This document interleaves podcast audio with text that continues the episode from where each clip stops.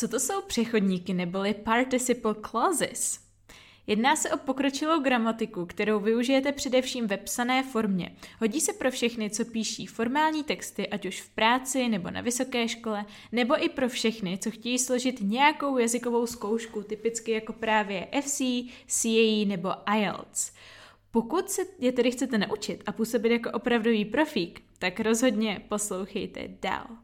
Moje jméno je Eliška Krásná, jsem lektorka angličtiny a pomáhám ostatním studentům dosáhnout jejich vysněné úrovně angličtiny tak, aby je to bavilo a aby to bylo efektivní. Zároveň jsem autorkou několika e-booků a jeden z nich, Pět tajemství efektivních studentů angličtiny, si můžete zdarma stáhnout v popisku tohoto podcastu nebo videa. Tento podcast je tu pro vás, aby vám pomohl posunout vaši angličtinu na next level, takže určitě klikněte na tlačítko odběru, ať vám neuteče žádná příležitost dozvědět se něco nového nového. A teď už jdeme rovnou na to. Takže jdeme se první podívat uh, na to, co to vůbec jsou participle clauses, neboli takzvaný přechodníky, když to přeložíme do češtiny, nebo participium.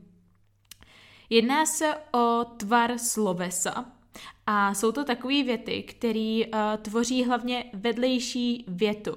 Používají se k propojení dvou, dá se říct, kratších vět do komplexního souvětí a většinou poukazují na to, jak šly události za sebou, nebo kdy se staly, nebo na příčinu nějaký události, nebo na důsledek. Teď chápu, že to je hrozně abstraktní, ale vydržte ještě chviličku, podíváme se potom na konkrétní příklady. Ale ještě než se podíváme na ty příklady, tak se pojďme podívat na to, proč je používáme a proč byste tenhle ten podcast teď neměli vypínat se slovy Ježiši, tak to nepotřebuju. Uh, Pomáhají nám hlavně uh, sdělit více informací takovým ekonomičtějším způsobem, protože, jak víte, v angličtině není úplně standardní rozkecávat se na nekonečné věty, ale používat kratší za to efektivnější věty, což tohle je toho jasným příkladem. Díky nim je váš psaný text potom víc variabilní, takovej působí sofistikovaněji, působí pokročile, působí formálně a zkrátka, když vám někdo pošle text, ve kterým používá právě ty participle clauses, tak si řeknete, ty vole, ten umí fakt skvěle anglicky a takhle přesně chcete na lidi minimálně v psané formě působit. Uh, jak jsem říkala, používají se především v té psané formě a proto jsou super ke zkouškám, kde máte nějaký, uh, nějaký writing task, takže právě ty FCčka, CIčka jsou asi nejtypičtější. No a máme takový tři základní druhy těch par, uh, participle clauses, což jsou právě present, past and perfect. A teď už konečně, jak jsem slíbila, se jdeme podívat konkrétně na to, jak ty participle clauses vypadají a začneme s těmi present, neboli přítomnými.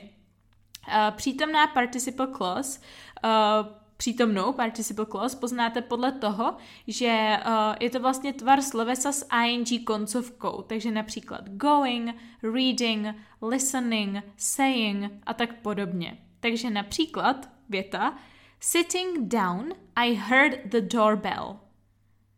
Sitting down, zatímco jsem seděl, I heard the doorbell, což znamená, že my mluvíme o dvou aktivitách, co se děly zároveň, nebo talking to him, I was eating my lunch. Zatímco jsem s ním mluvila, tak přitom jsem jedla oběd. Mm, jsou to zase dvě aktivity dějící se na zároveň. Nebo we lay on the beach, gazing up at the sky.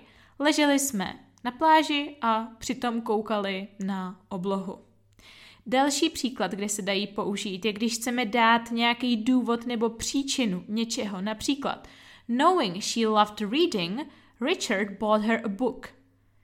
Zatím, nebo jako věděl, že milovala čtení, takže jí Richard koupil knihu. Dáváme důvod, proč jí Richard koupil knihu. Knowing she loved reading, Richard bought her a book. Nebo například, being hungry, we stopped at McDonald's.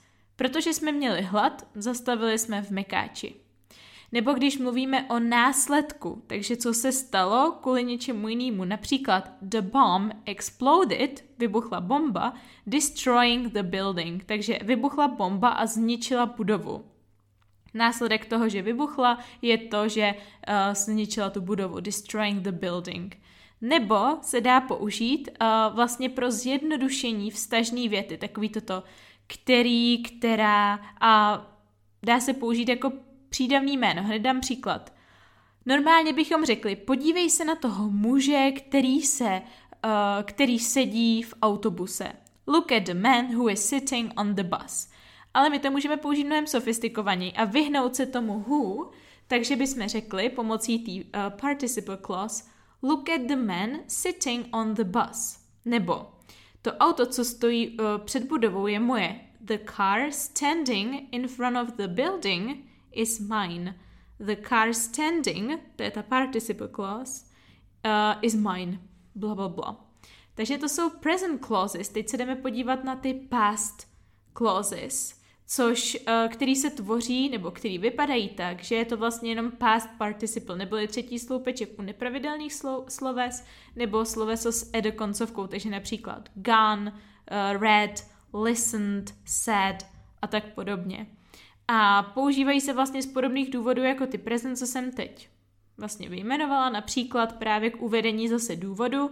Worried by the news, she called the hospital, tím, že uh, jako byla, měla obavy, protože zrovna slyšela něco ve zprávách, takže zavolala do nemocnice. Worried by the news, she called the hospital. Je to prakticky protože Because she was worried, she called the hospital. Je to uvedení důvodu. Nebo se dají past participle clauses využít jako taková náhrada podmínkové věty, zase víc sofistikovaná. Například normálně bychom řekli If you look after uh, these boots carefully, they will last for years. To určitě znáte, to je první podmínková věta. If you look after these boots carefully, they will last for years. Ale můžeme to nahradit tou past participle, participle clause a to by to vypadalo následovně. Looked after carefully, these boots will last for years. Nebo uh, ještě nějaká podmínková věta. oh, Ježíš, teď mi nenapadne žádná podmínková věta.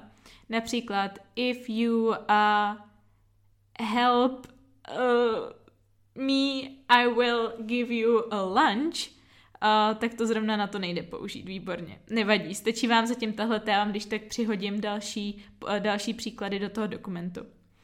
Takže to byly past participle clauses. Jdeme se podívat na perfect participle, neboli před přítomný, dá se říct, uh, přípustkový věty. Ty se tvoří pomocí having plus slovesa s ing konco, uh, plus uh, slovesa uh, ve třetím tvaru, takže například having gone, nebo having read, nebo having listened. Dám hned příklad. Having living in Oxford all my life, I couldn't imagine moving.